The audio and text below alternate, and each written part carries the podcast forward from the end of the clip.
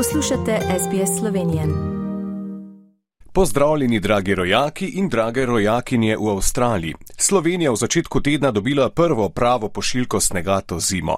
Sneg pa je poleg zimskih radosti povzročil tudi nemalo preglavic. Več tisoč ljudi je začasno ostalo brez elektrike, sneg je podiral drevesa, v ponedeljek je bil na cestah po državi pravi prometni kaos. Ja, jaz sem nek med Ljubljano pa Kranjicem in sem avtobusi zamujajo tako dobre pol ure in zato sem boj tudi na puk zamudil. Mal je bilo, ja, ampak sem se znajdel nekako. Je gužve na cesti. Hladnejše zimsko vreme se pozna tudi na položnicah slovencev. Pred trbovelsko komunalo se je v sredo zbralo več kot sto jezdnih občanov, ki so prejeli položnice z vrtoglavo visokimi zneski za komunalne storitve, predvsem za ogrevanje. Občane pa še bolj skrbi, kakšni bodo računi za januar, saj je hladnejši od decembra. Radiator imam zaprte, tu se pravi, pa imajo ljudje vse zaprte, po cel mesec vse zaprte, pa dobijo z, ko je že od komunale račun po 160, pa tako. Kako ti neki računaš, če je nula? Ne vem, kako bomo mi tole preživeli. Pa ni nobenega, da bi nam obrazlažil.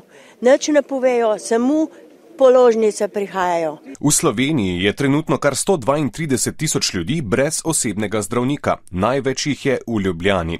Problem je predvsem posledica pomankanja osebnih zdravnikov, saj se vedno manj študentov medicine odloča za specializacijo družinske medicine.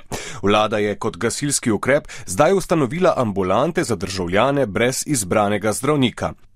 O krizi slovenskega zdravstva, predvsem pa o načinu reševanja zdravstvenega sistema, so v sredo razpravljali predstavniki vladnih strank na vrhu koalicije na Brdu pri Kranju.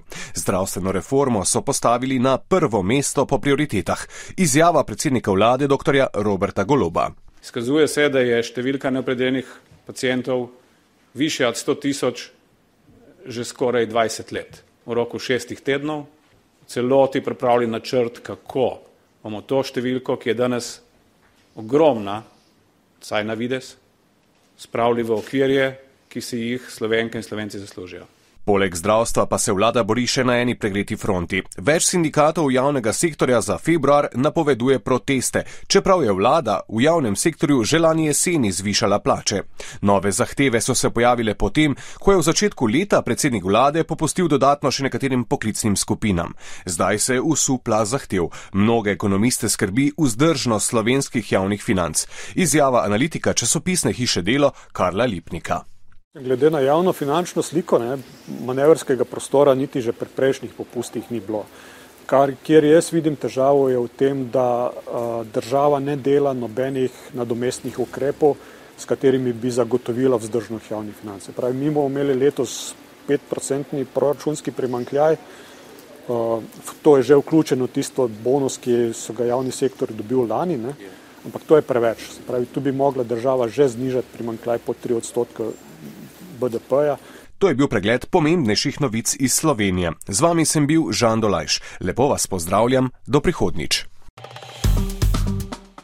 Všečkaj, deli, komentiraj. Spremljaj SBS Slovenijo na Facebooku.